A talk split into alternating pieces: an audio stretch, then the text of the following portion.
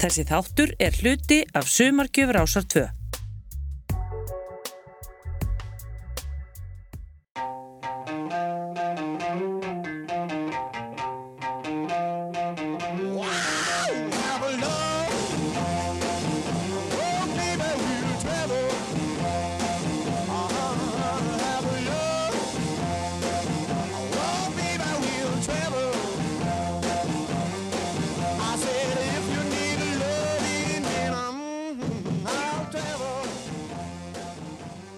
hlustendur, þá hefst þátturinn Íslenskar góðsagnir. Ég heiti Björn Stefánsson og er umsjónarmadur þáttarins. Að þessu sinni fer ég yfir sérkennilegan og heldur stuttan tónlistarfyril Gunnars Jökuls Hákonarssonar, trommara. Hann var talinn á sínum yngri árum einn efnilegasti trommari heims, bjó Erlendis og spilaði meðal annars með breskuljónstinni Sin sem var spáð miklum frama á sínum tíma. Nú verður sög saga þessa merkilega manns.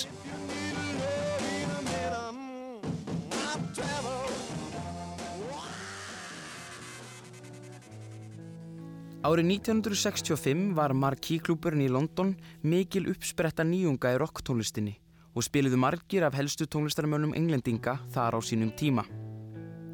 Tveir ungir strákar úr álfheimunum í Reykjavík, nýjórnir 15 ára, fylgdust vel með þessum merkaklúpi í gegnum blæðið Melody Maker þar sem listi var byrtur vikulega með öllum hljómsveitum sem komu þar fram.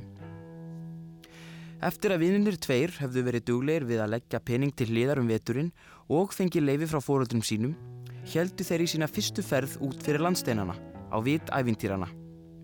Markmið ferðarinnar var að fara á tónleika á Marquis klubnum fræga þar sem góðvinnur þeirra, Gunnar Jökull, spilaði á trommur með hljómsveitinni Sin sem hafði vakið mikið umtal fyrir tilraunakenda rocktónlist og var hún tillu þetta kvöld sem uppbytunar hljómsveit fyrir hinn að góðsarnakendu Krím. Strákarnir tveir sem hefðu ferðast alla leiðina frá Íslandi stóðu loks fyrir utan Marquis klubin sem þeir höfðu aðeins séð á myndum og var röð fyrir utan staðin sem náði niður á næstu götu. Þeir höfðu sérstakann hátt á því að tjá sig í röðinni. Annar strákurinn kunni ekki stakt orði í ennsku en vissi samt sem áður allt sem hægt var að vita um nýjustu tónlistina. Hinn vissi hins vegar ekkert um tónlist en sleipur var hann í ennskunni og þannig feikuruðu þeir sig áfram í samskiptum við einlendingana. Þegar óþólinn mæðin við byðina virtist vera að ná hámarki tóku þeir eftir mönnum sem voru undan þeim sem áttu erfitt með að halda jafnvægi. Augun í þeim virtust eldrauð og góndu þeirri bara út í loftið án þess að segja stakt orð. Þessir eru alveg að sopna, sagði annar strákurinn við hinn um leið og hann kinkaði kolli í áttað mönnunum. Já, þeir eru ábyggla bara þreyttir eftir erfiðan vinnudagið eitthvað, svaraði hinn algjörlega grætna á hlutina sem voru að gerast í kringum þá. Á þessum tíma þekktist lítið sem ekkert til kannabisreikinga á Íslandi og er því skiljanlegt að strákunni tveir hafi dreyið þessa einlegu álygtun. Þegar strákarnir komust loksinn á staðinn sem var fullur af fólki var kynir komin upp á svið sem bauð fólkið velkomið og við það brutist út mikil fagnæðarlæti. Hann kynnti meðlimi sinn og gengu þeir einn af öðrum upp á sviðið og myndaðist mikil stemning meðal áhörvenda. Þegar öll hnjústinn var komin upp á sviðið, nematrómarinn, hjælt kynirinn áfram. Dömur mínar og herrar, við höfum hér ungan snilling, Jökulinn frá Íslandi. Inn á sviðið gekk svo Gunnar Jökull Hákonarsson og við það urðu fagnarlætin í salnum enn meiri. Strákarnir tveir frá Íslandin sem þekkt höfðu Gunnar frá barnæsku trúðu ekki því sem þeir sáu. Æsku félagi þeirra úr álfheimunum var orðin frægur og það í öðru landi. Gunnar Jökull trommari heitlaði einlendinga hvar sem hann spilaði þessum árum og var hann aðeins 17 ára gamall þegar þessi tónleikar áttu sér stað.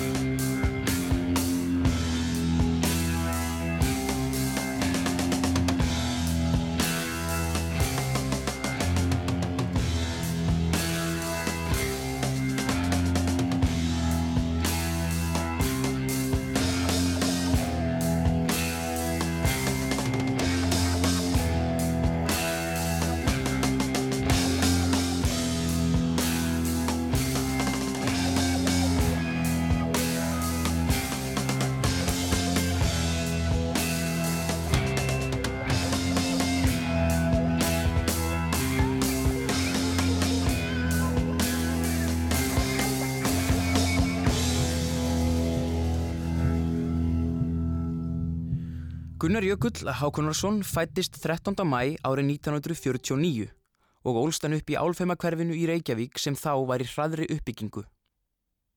Tónlistin fangaði hug hann snemma á æsku árunum og voru það trommunar sem heitluðu hann mest.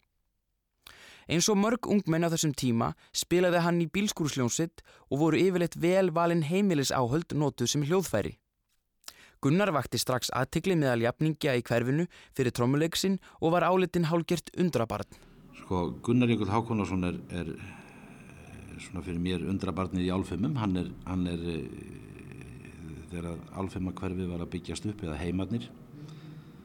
Um, þá, þá var mikil gerjun sem átti sér stað og, í, í, og, og, og líka í poppinu kemur auðvitaðn og þá heyrði maður af, af af þessum manni sem að, eða dreng sem að e, tók hlutar sitt mjög alvarlega. Og, og hann var farin í, í okkur þótti mikið til þess koma á þessum árum alltaf ekki verið 1963 eða 4 að hann var þá fenginn til þess að tromma með tónum sem þá spiluðu í, í, í Lító eða já og voru svona sjátórsljómsveit eh, þar sem að ekki var, ekki var mikið sungið. Og, og, og þeir voru eldri en hann hann var, en hann þótti bara, já eins og ég segi undrabarn. Nú eh, Gunnar var uh,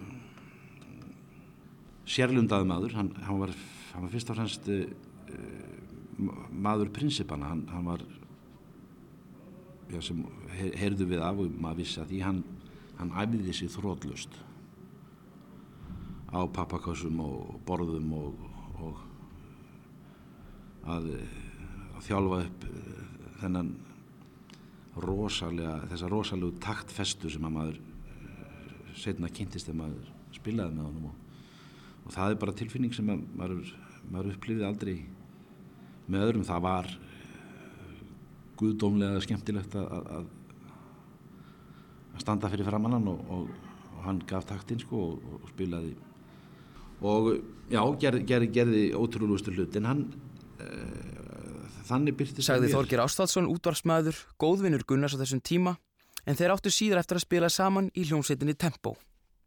Árið 1964 hóf Gunnar ferilsinn sem trommari er hann byrjið að spila með hljómsveitinni Tónum en hún leg yðurlega á skemmtistanum Lító sem staðsettur var við skaftalíð. Hljómsveitinni var spáð miklum frama og bárust svo fljótlega þær fréttir að tónar væri á leið á erlendan markað. Umbóðsmaður þeirra var Þráinn Kristjánsson sem síðar átti eftir að gegna sama hlutverki fyrir dáta og hljóma. Ekkert varð af útrási ljósuturinnar og fljótlega eftir þetta var hún lögður niður.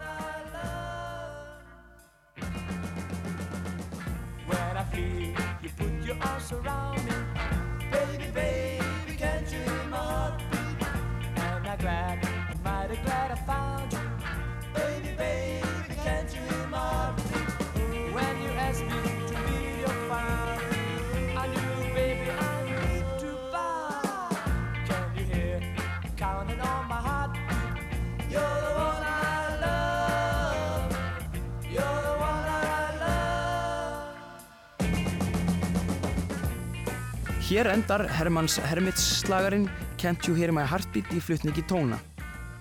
Lægið kom aldrei út á hljómplötu vegna þess að íslensku plötufyrirtæki á þessum tíma sáu ekki þann kostvænstan að gefa út plötur með úlingarhljómsutum og hefur því lægið sjaldan heist í íslensku útvarpi.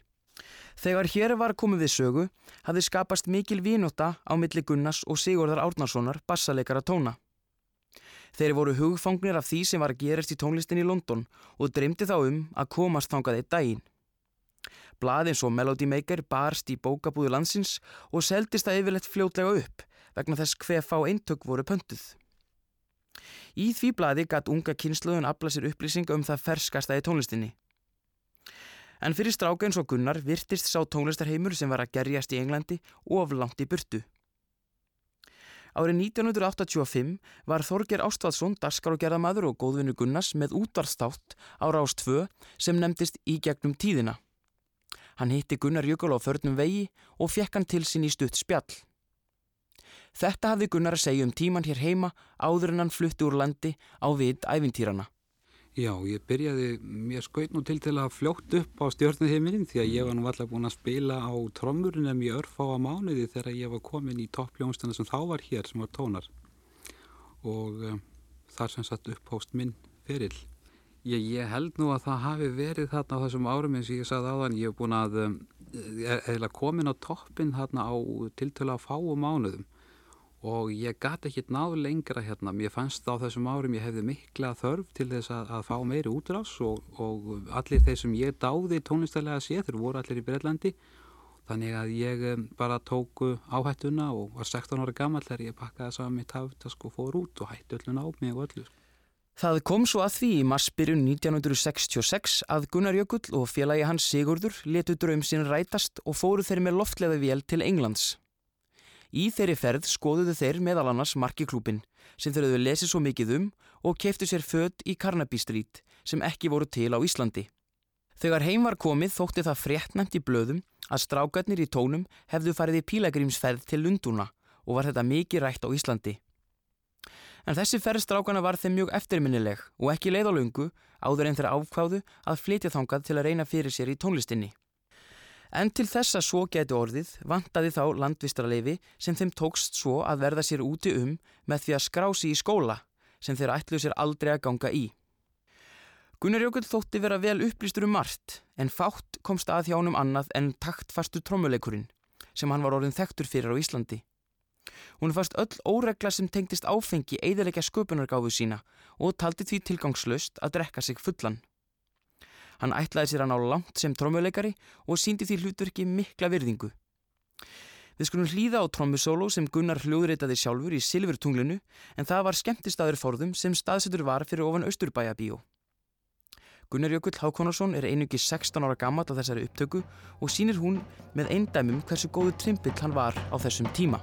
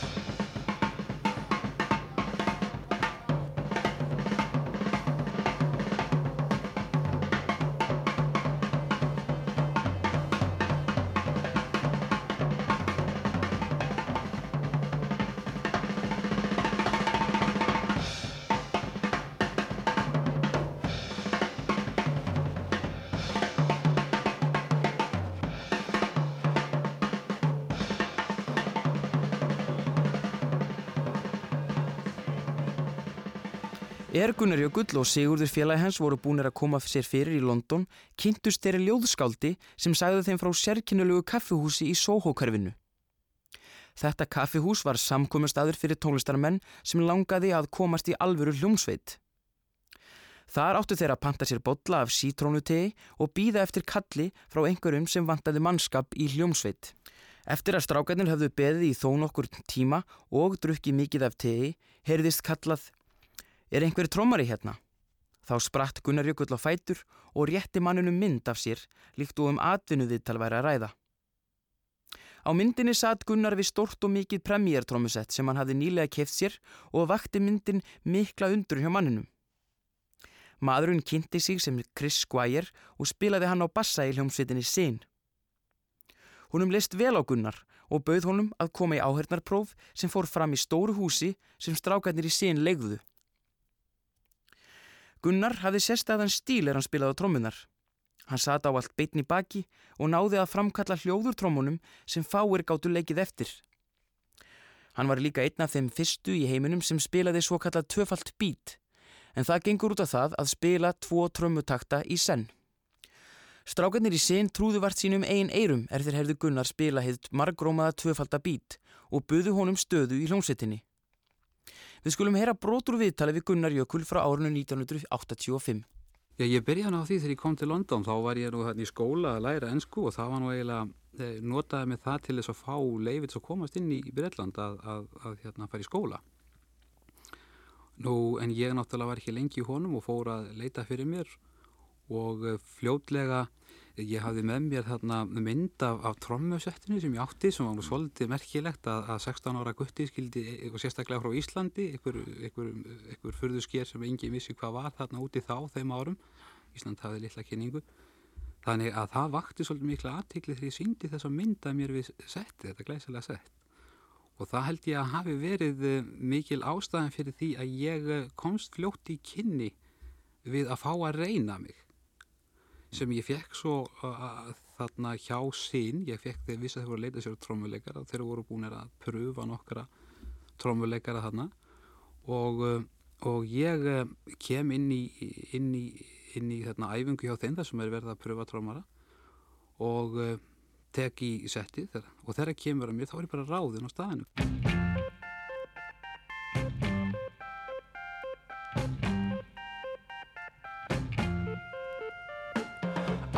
don't want you.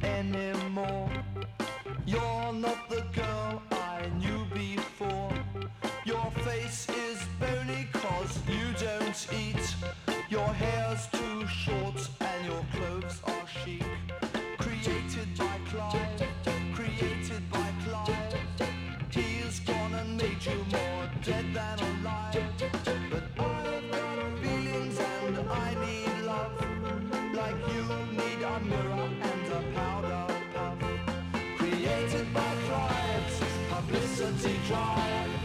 He's got to shape you if you want to survive.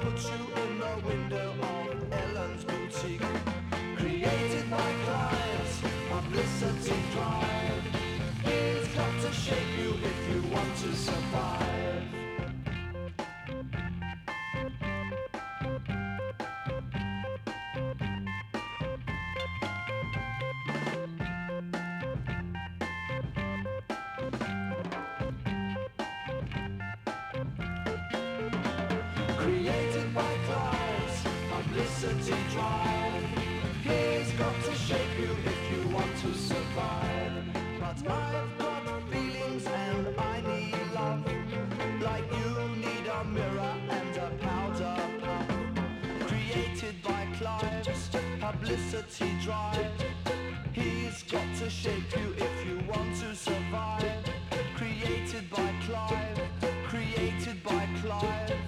He's gone and made you more dead than alive. Hér enda lagið Created by Clive með hljómsveitinni Sin og greinist taktfastu trommuleikur Gunnars greinilega upptökunum. Í sín voru þeir Chris Squire, bassalegari, Andrew Jackman, hljómbórslegari, Steve Nardelli, söngvari, Peter Banks, gítalegari og auðvita Gunnar Jökull Hákonarsson, trommari. Fljótlega eftir að hann gekk til liðis við strákarna í sín fóru þeir í sína fyrstu hljómleikaferðum Evrópu og með þeim í för var Vilhjólmur Ástráðsson sem Gunnar Jökull hafði hitt fyrir tilvílun fyrir utan markiklúpin. Vilhjálmi leist vel á þessa nýju hljómsveit Gunnars og var honum bóðinn staða sem er rótari á strákunum. Eftir vel hefnaða tónleikaferðum Evrópu komur strákanir í sín aftur heim og heldi áfram spila vísvegar um London. Þetta var mikil vinna fyrir Gunnar og átti hann oft lítinn pening. Sigurður Árnarsson, félagi Gunnars, hitti hann í eitt skiptið eftir viðburðaríka tónleikaferð með sinn. En þá var hann svo illa skóaður og blankur að Sigurður kefti handunum nýja skó. En þeir legðu saman litla íbúð í London á þessum tíma og voru mikið saman þegar Gunnar fekk stundu frí frá spilamennskunni. Gefum Gunnari aftur orðið. Jú, þetta var, þetta var mjög, má segja, töff líf sem við liðum þarna. Við um, þurftum þarna fyrstu mánuðina eftir að ég byrjaði með þeim þá lögðum við mikið í að æfa og vanda allar útsetningar og, og, og, og gera vel. Við vorum hins vegar ekki með eigin lög að neinu marki og tókum mikið á svona tamla mótánlögum og öðru slíku. Nú við enda sendustum um England þvert og endilangt og spiluðum mjög víða í eh, Breitlandi. Við fórum til Fraklands og þar spilum við bæði á Revjerinni og vorum þar einu sinni í mánuð í Toulon, við spilum í Cannes og við spilum í, í Norðurfraklandi.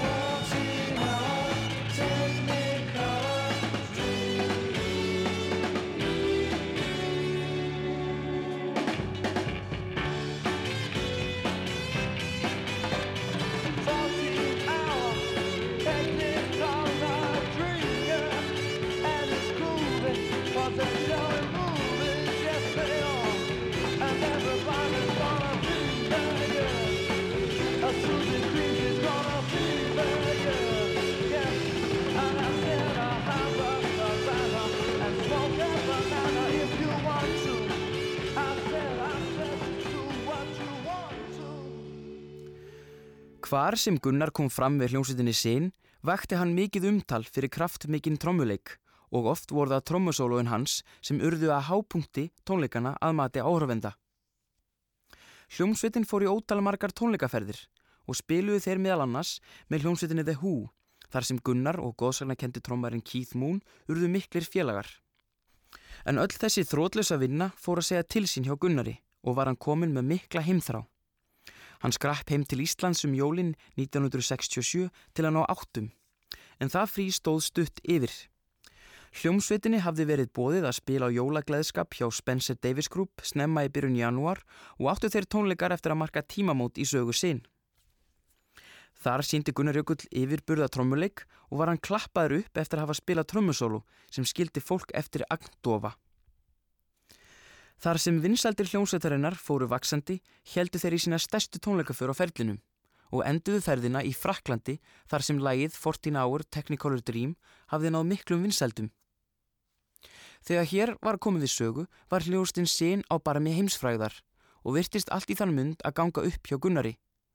En það sem gerðist næst átt eftir að koma mörgum á óvart. Þegar hljómsveitin kom heim frá Fraklandi var ákveðið að taka stutt á kvíld og helt Gunnar Jökull því rakleðis heim til Íslands. Þar tjáði hann sínum nánustu vinnum að hann væri hættur í hljómsveitinni sinn og hann ætlaði sér að flytja aftur heim. Ástæðan fyrir þessari ákverðun Gunnars hefur verið mörgum ráðgáta en þegar menn bera saman bækur sínar um þetta hafa yfirlega verið sagðar tvær mjög ólíkar sögur. Önnur þeirra greinir frá því að landvistarleifi Gunnars hafi hreinlega verið runnið út og honum því vísaður landi. Sagt er að margt hafi verið reynd til að koma honum aftur út en án árangurs. En sumir vilja hins vegar meina að Gunnar Jökull hafi hreinlega verið orðin þreyttur á lífverðinu sem fyldi stöðugum ferðalögum og hafi þeir verið orðið yfir þyrrmætti áreiti fyrir hann. Hann var ávalt blankur og því hafði hann ákveðið að leggja árar í bát. Fljótlega eftir heimkomu Gunnars hætti sín og úr rústum hennar var til hljómsdinn Yes. Gunnar Jökull fyldist með félagum sínum gömlu úr sín ná mikill í heimsfræð og þóttu hann á það erfitt þar sem hann hefði geta orðið trommar í Yes í staðin fyrir Bill Bruford. Heyrum hvað Gunnari fannst um þessa nýju hljómsitt sem félagar hann settu saman eftir að hann fór aftur heim til Íslands. Jú, Yes er í raun, ég hef nú litið á Yes að nokkur litið sem mitt band því að uh, þetta er í raun og veru sama hljómsitt og ég var að spila með. Að öðru leitin því að var, þegar ég fór heim þá var það uppstokkun í hljómsdunni. Það þurfti að ráða nýjan uh, trommuleikara. Hann hins vegar sem þessum er réðu þarna með bandinu, hann gatt lítið og þeir náttúrulega gerðu mikla kröfur því að þeir voru búin að ná góðum standard meðal tónlistamanna. Sinn var búin að ná mjög góðu áliti meðal tónlistamanna í Breitlandi þó að Sinn hafi ekki verið orðin frækljónsitt og, og við hefum ekki verið orðin ríkir á þessu. En hins vegar um, þarna á þessum árum þá var svona alls konar bylgjur að ganga yfir í tónlistinni og um, Sinn var óþjálfnað þó að verið stutt og það hafði komið til greina að breyta nafninu og eh, það, það hefði gert að þau breyta nafninu og stokku upp í hljónstinni og það, og það er yes. Þorger Ástadsson man að fólki á Íslandi þótti ákvörðun Gunnars um að hætta í sín sérkennileg og var hann oft spurður um sín er hann flutti aftur heim til Íslands. Gefum Þorger orðið. Þegar menn voru að spurja hann að því eh, hvort hann þætti ekki súrt að vera komin heim eftir að hafa ekki gríðilega aðtikli í popinu í Breitlandi á svona í klúbónum. Brendar hann komst aldrei upp á þetta yfirbor sem með þurfa að komast til þess að öðlast fræð og frama uh, hvort þannig þætti það ekki súrt að vera að spila með einhverju bílskúsbandi hér á Íslandi uh, í fámenninu og fábreytileikanum en, en horfa eftir Yes alveg fara upp í hæstu hæðir eða hljómsveitina Yes sem var, var til út úr uh, hljómsveitinni sem að Gunnar spilaði með og sín þá man ég eftir að hann gaf lítið fyrir það eða varð uh, hafði svo sem engar skýringar á því öðru leitin því að það veri súrt að hafa ekki fengið atunleifi á Breitlandi og við svo sem keftum það en uh, en svo lögmaðist upp úr ánum af því að það var mjög rómaður samleikur hans og Chris Guer Chris Guer var bassistinn. Marg oft í á músikpressunni og góð sem bassarleikari bassarleikari Breitlands og var svona yfirleitt alltaf fyrst nefndir eða nefndir hverju besti bassarleikarin eh, þeir, þeir, það, var, það var gaman að heyra það að spila saman því að bassatróman og hann að spila á mótónum sko bass og trómur þetta var svona, þetta var svona ákveði trúlóðunarsamband í fannst manni í, í, í hérna í sín og, og maður skildi það.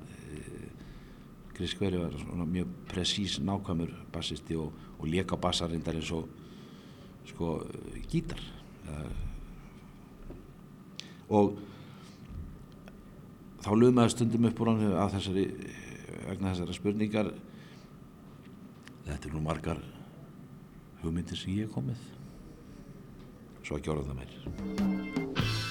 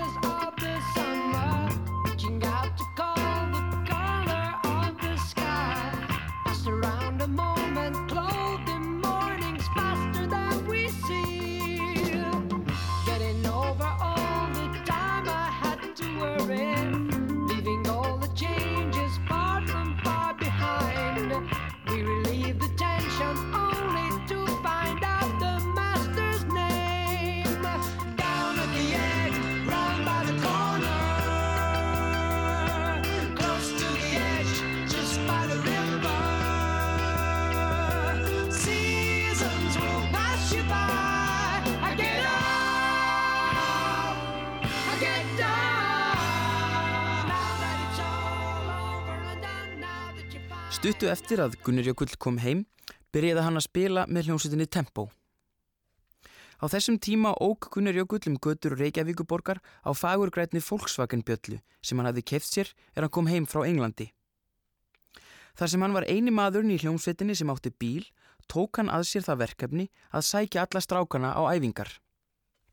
Í enda hverra vikur borguð þeir honum svo 25 krónur á mann sem hann gemdi síðan í öskupakka bílsins og átti það að fara í bensinkostnað og viðhald. Þeir sem þekktu til Gunnars frá þessum árum segja að hann hafi verið gífurlega samviskusamur maður og tekið það hlutverk að vera trommari mjög alvarlega. Drakkan lítið sem ekkert áfengi og hafði ákveðna skoðunar á því að menn ættu ekki koma ofinberlega fram undir áhrifum en eftir að hafa spilað með tempo um nokkurt skeið fór hann yfir í hljómsveituna Flowers. Jónas R. Jónsson, söngverið hljómsveitarinnar, hafði þetta að segja um félagið sín Gunnar Jökull er hann var beðun um að rifja upp gamla tíma með hljómsveitinni Flowers. Gunni var rosalegu nagli, sko. Mm. Hann var rosalegu nagli, hann var, hann var mjög uh, flókinmanngerð, hann var snillingur á sinn hátt, ég að mínundómið sennilega besti trommari fyrir Pétur Öslind sem við nokkuð tíman átt með fullri virðingu fyrir þeim strákur sem eru að spila núna sem eru frábærir alveg. Uh, ég man þetta þegar Gunni kemur fyrst í Flowers þá drakk hann til dæmis ekki, hann var ekkert fann að smakka vín. En Gunni gerði, Gunni var mikill augamaður, hann gerði allt á mjög róttakann hátt.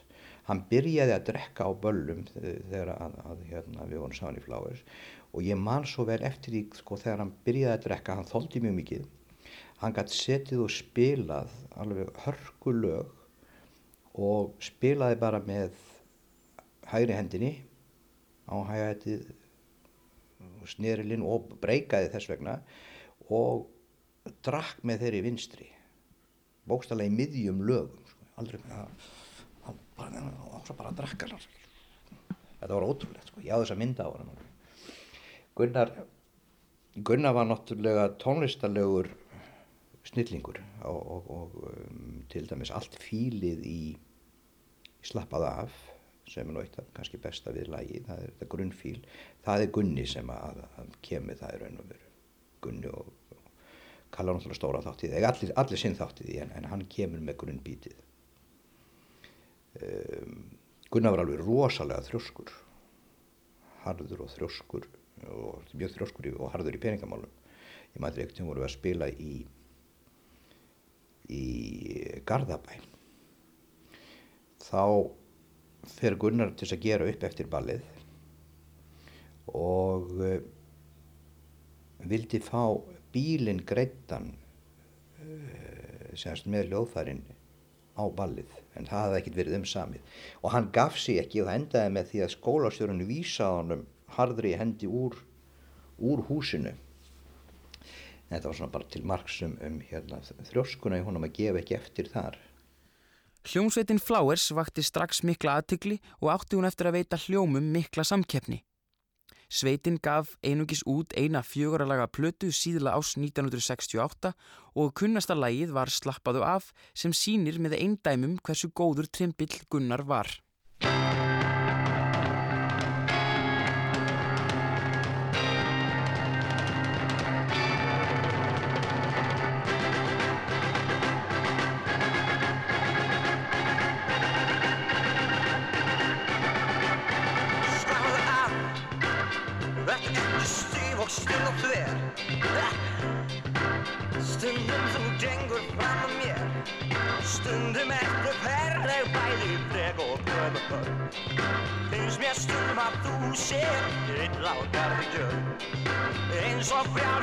Brjálur humstig í stóri kynnagjör Eins og brjálur humstig í stóri kynnagjör Slappaðu af Þó að þú sér til þá veistu vel Að Vakti tóli svona mikið kér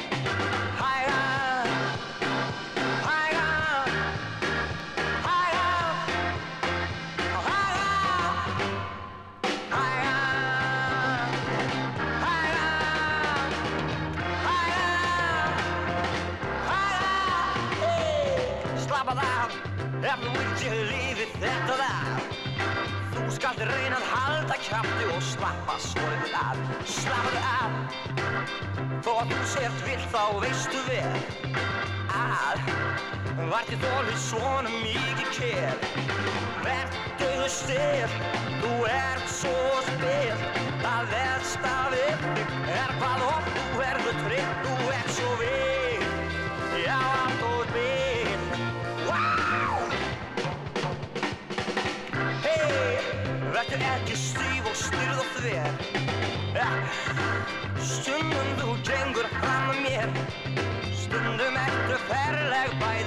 Frek og göfu hörn Finnst mér stundum að þú sér illa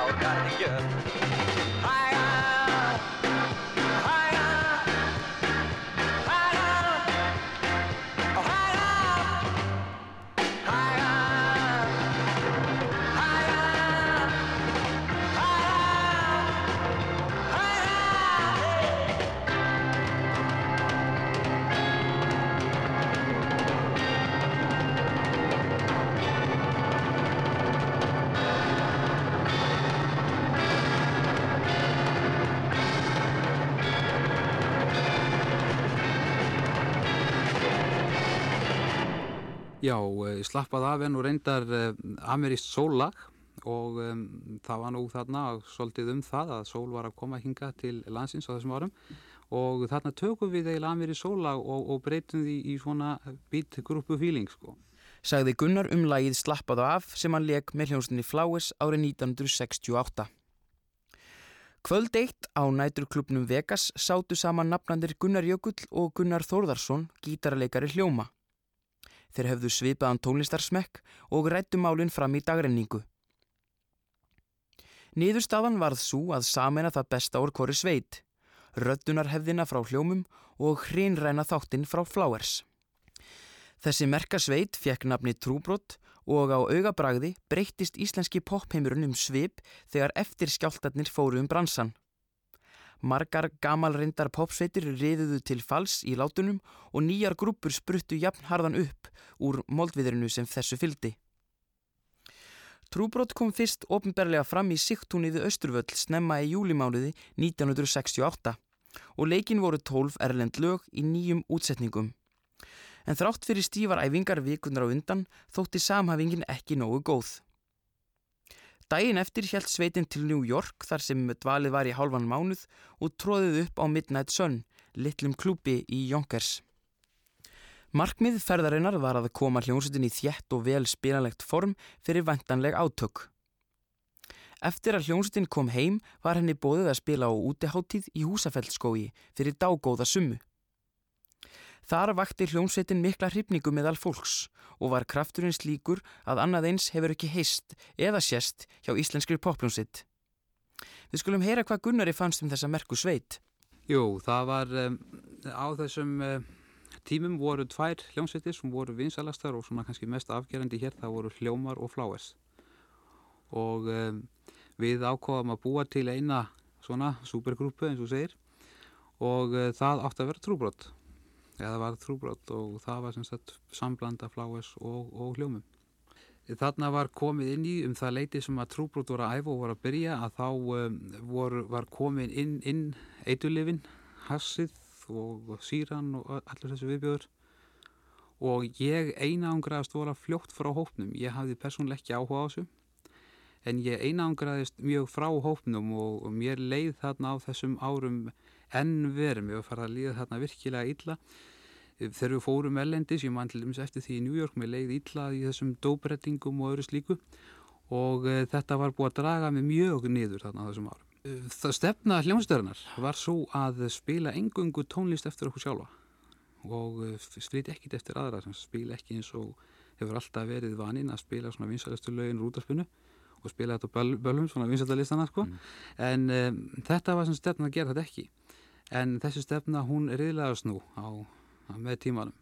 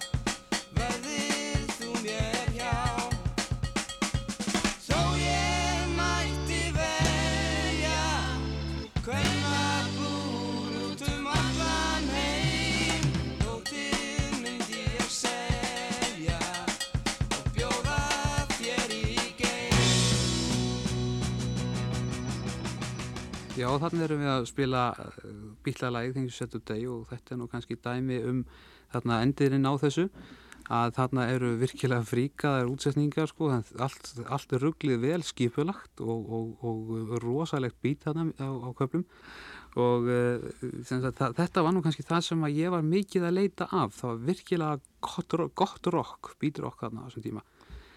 Það, mínar vonir hins vegar brúðust algjörlega og ég var komin þarna, ég var búin að gangi í gegnum þarna margra mánuða erfiða líðan og mér leiðorði þarna virkilega illa þegar við vorum að taka plötuna út í London þessa, það verið 69 og ég man það að ég var komið með svo rosalegar magakvalir að ég var án svo forveikur hérna í stúdíónu að það þurfti að fara út um miðja nótt þess að reyna að retta mér mjól til þess að reyna að kæla magan Nú upp frá þessu þegar við komum heim þá tek ég mína fyrstu valíumtöflu. Um, Livun, ég um, áður en að, sagt, að við tókum saman aftur, við höfum hægt að, hægt að spila hérna um, um tíma saman og uh, ég hafði hægt með hljónstinu og Karl Sikvats líka. En um áramótin 70-71 þá komum við saman aftur og þá er ákveðar en að gera skemmtilega hluti þegar trúbrot byrjar í fullum styrk eins og hún hafi verið upphafi. Þessi merkilega sveit átti eftir að senda frá sér fjórar breyðskífur í heldina og vöktu þær allar mikla aðtegli meðal almennings. Gunnar Jökull sem var ávalt þektur fyrir mikið peningavitt sá um öll fjármál hljómsveitarinnar og rak hann meðal annars vestlunir Reykjavík á þessum tíma. Mannabreitingar urðu tíðar í sveitinni og þegar meistarastikkiði Livun var í gerjun árið 1971 skipuðu trúbrott Rúnar Júliusson, Gunnar Þórðarsson, Karl Sikvatsson, Magnús Kjartansson og Gunnar Jökull Hákonarsson. Strákarnir legðu bakhús við lögaveg, hver og eitt kom svo með málingadós og síðan var allri málingunni held í stóran bala og húsnæði málað með litnum sem var til úr þessari blöndu. Það vildi svo vel til að skapandi fagurgrætt litur myndaðist úr hrærunni og í þessu umhverfi var eftirminnulegt popverk til. Eftir linnulösar æfingar í heilar sex vikur frumflutti hljómsveitin verkið þann 13. mars í Háskóla Bíói og voru tónleikagestir djúft snortir af þessu nýja verki sveitarinnar. Nokkru síðar fór trúbrót til London að taka upp herlegheitin. Platan var hljóðrituð í Morgan Studios og Sound Techniques dagana 18. og 19. mars undir stjórn Gary Boyce. Gunnar Jökull síndi framúrskarandi trommuleik við upptökurnar og eru flestar þeirra teknar upp í fyrstu tilraun. Þegar upptökunum laug var farið út á lífið og þótti strákunum með ólíkindum hvað Gunnar Jökull þekkti margt af merkilegu fólki. Hann kom þeim framfyrir í röðum á klubbum og sagði þeim meðal annars sögur frá síndugunum. Þegar platan kom svo út þótti útlitt hennar nýstárlegt þar sem umslægið var afskorið á hornunum og myndaði sexhyrning. Platan laðist vel í aðdándur sveitarinnar og fekk hún mikið lof hjá gaggrinjendum. Þrátt fyrir góðara viðtökur varð salan á plötinu ekki meirinn svo að tónaútgafan treysti sér ekki til að halda samstarfinu við trúbrot áfram. Til gamas má geta þess að platan hlaut þann mikla heiður að vera valinn plata aldarinnar í umfangsmikill í könnun sem gerð var hér á landi. Árið 1972 sagði Gunnar Jökull skilið við trúbrott eftir að ósætti kom upp í hljómsettinni. Gunnar Jökli fannst hljómsettin ekki stunda æfingar af nægilegri alvöru. Upp úr því var deila á milli hans og Gunnars Þórðarssonar sem lyktaði með því að Jökullin hætti og fór yfir í hljómsettina Mána sem hann spilaði með um stutta hríð. Hann ákvað svo að leggja frá sér trómukjöðana og gerðist umbósmaður um tíma og hafði meðal annars hljómsettina Eik á sínum snærum. Þegar hér var komið við sögu átti Gunnar Jökull við andleg veikindi að stríða og var orðin þreyttur á þeim stöðuga erli sem fylgdi hljómsettabransanum. Hann kvarf síðan á braut og sagði skili við tónlistina, gengdi ímsum störfum og fluttist loks til Svíþjóðar. Þar hallað undan fæti í lifi Gunnars og dró að endalókunum. Árið 1994 kom hann heim til Íslands og snýri sér aftur á tónlistinni en nú með öðrum áherslum. Árið setna kom hann fram í þætti Eriks Jónssonar á stöðu 2 þar sem hann kynnti landsmönum áform sín um hann á heimsfræð. Fólk sá strax að Gunnar gekk ekki heilt til skóar enda þjáðust hann af andliðum sjúkdómi og hafði hann nokkurum árum áður verið greintur með HVF-veruna. Á þessum árum var Eirikur Jónsson bladamadur með afar vinsalan spjallþátt og satt þjóðin sem limd við skjáin er hann spurði viðmælendur sína spjörunum úr. Það þykir afar minnistætt þegar Gunnar Jökull trómari mætti til hans í viðtal. Það kom til þannig þetta viðtal við Gunnar Jökull að ég hafði náttúrulega alltaf vitað á honum að þetta var, þetta var hérna, þetta var fræg og trómuleikari sko fyrir lungu og þekkt hann allir. Svo týndist hann að fór til útlanda Svo var eitthvað tíma að ég var að ganga nefnir skólaugustíðin þar sem að Sparisjóðurinn er sprón og þar við hliðina var hótel sem hétt Hótel Jörð þar sem byggu, ég segi ekki útigangsmenn en hérna, þetta var ekki fínt hótel. Þetta var svona gisteheimili fyrir þá sem hafði ekki önnur hús að venda. Og það var kaffistofa niður og, og maður sá inn á kaffistofuna þegar maður gekk framhjá. Eitthvað tíma gekk ég þarna framhjá sé ég þá ekki besta trómuleikar í heimi sem ég held vera sitja þarna, hann var grár og gugginn með korflegsdisk held ég í kvöldmatt og, og ég hérna alltaf að leita efni og ég fór bara inn og settist hjá hann og hann var ægilega fegin því held ég að fá félagskap, þá var allir hættir að tala við hann, hann var alveg hann var alveg út úr heiminum sko í öllum skilningi, bæði held ég sko andlega og félagslega en samt var alveg að tala við hann og og þá var hann komin sko á, var að reyna að fara á beinubrautin aftur og komin heim til Íslands og ætlaði að fóta sig og ætlaði að slá í gegn aftur, var að gera plötu. En ég held hann ekki gessi grein fyrir hvað hann var illa inn í raun og veru sko, hann gæti þetta alltaf. En það var mikill hugur í honum og hérna, og hann ætlaði að reyna aftur. En það var úr að ég fæði hann til að koma fram í þessum þætti og fæ var mjög sérstakur viðtalstátti þannig að því að hann satt ekki á móti með borðið eins og allir hinnir heldur sett ég trommusett á millaka sem ég vekk lána hjá honum. Besta sem er núna orðin. Kvikmyndatökumæður fyrir Baltasar. Hann tekur allir þessar myndir. Hann er trommuleikari. Og hann lánaði okkur svona settaði upp sjálfur. Hann var þá myndatökumæður á þættunum á stöðtöð og hann setti bara upp trommusetti sér svo reykt, helviti flott Og við það settist Gunnar Jökull þegar hann mætti í viðtalið. Það sem ég talaði við hann. Og ég baði náttúrulega spila á, ekki borðið heldur, trómusettið sem hann gerði. Hann tók trómusónu. Sem ég, mér var sagt setna af, af, af hérna, trómuleikurum, svona atvinni trómuleikurum að þetta hefði ekki verið alveg nógu gott hjá hann. En ég hef ekki heyrt nokkur mann spila sko, meiri krafti á trómur en þetta kvöldi í stúdíun en það satt í ón í trómusettinu þegar hann byrjaði. Hann var alveg ægilega flinkur sko. þetta var sem sagt þessi þáttur að þetta vakti tölu verið aðteglu og sérstaklega því að Gunnar Jökull hann bar sig ekkert mjög vel í þessum þætti að því að hann var blankur, ómulegur og átti ekki eins og trómusett við vorum alltaf konið með sjónvarsþáttar sem að viðtal við besta trómuleikari sem Íslandingar hafa átt. Hann fann upp eitthvað sérstaklega bít sem ég kann ekki að nefna og, og hérna hann var örgulega svo langt besti en átti ekki trómusett það er eins og ljósmyndir sem á ekki myndavél eða og svo framvegis. Og það er ekkit annað að eftir þáttið þá ringir ég með maður allarleið frá Gautaborg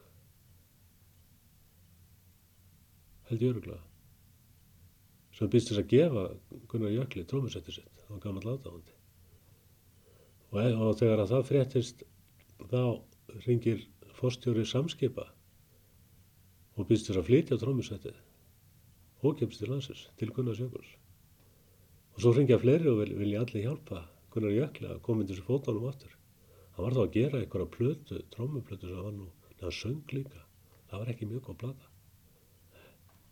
En það breytir því ekki að það er eitthvað maður út í Gautaborg sem gefur honum trómusett og samskip flyttu trómusettið til Íslands, allt sko gunnar að kostnaðalösu og mér. Og svo líður og býður og eitthvað tíman þetta mér hefur að ringja niður í samskip og ég er uh, reynda að ná í Gunnar Jökulls ræta og hvernig, hvernig, hvernig hann liði með nýja trómusettið og náði ekkert í hann. Og ringjaði hann í samskip og spyr hvort að trómusettið hafi ekki komið það er aðtöðað, þá er það ennþá bara inn í öruskeimu. Það kom aldrei nefna ná í það. Gunnar Jökull sendi svo stuttu setna frá sér plötuna Hamfarir sem mörgum sem til Gunnars þekktu fannst réttnefni. Platan fekk misjafna dóma gaggrinenda og þótti sérlega skrítið að Gunnar annaðist ekki trómuspil á plötunni, heldur notaði hann skringilega hljóðgerfla og sá sjálfur um söng. Á plötunni söng Gunnar Jökull meðal annars um ástina, kaffið sitt, bílinn sinn og hundin sinn. En texti lokalags hamfara er einlægur og sýnir þunglamalegt ástand trómanans. Lagið heitir Einskis virði. Gunnar Jökull átti þó aftur eftir að tróma með gömlu félagunum í trúbrott en hljómsveitin var endurvakin á tónleikum á Hótel Íslandi þar sem Gunnar settist í síðasta skipti á bakvið trómusett. Eftir að hann greindist með HVF veruna á tíunda áratugnum hófst mikil baróta við þann skæða sjúkdóm.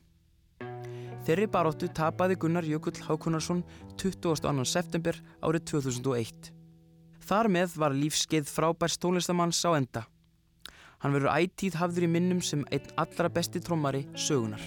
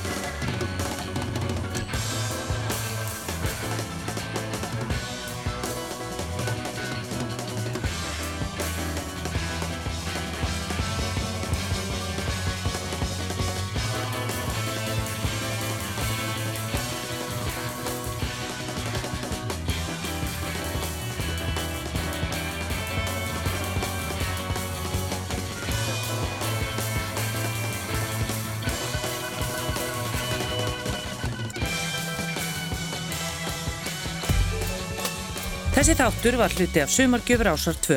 Þú getur nálgast fleiri þætti úr Sapnir Ásar 2 í spilaranum á rúf.is, í rúf appinu fyrir snjalltæki og öllum helstu hlaðvarp sveitum.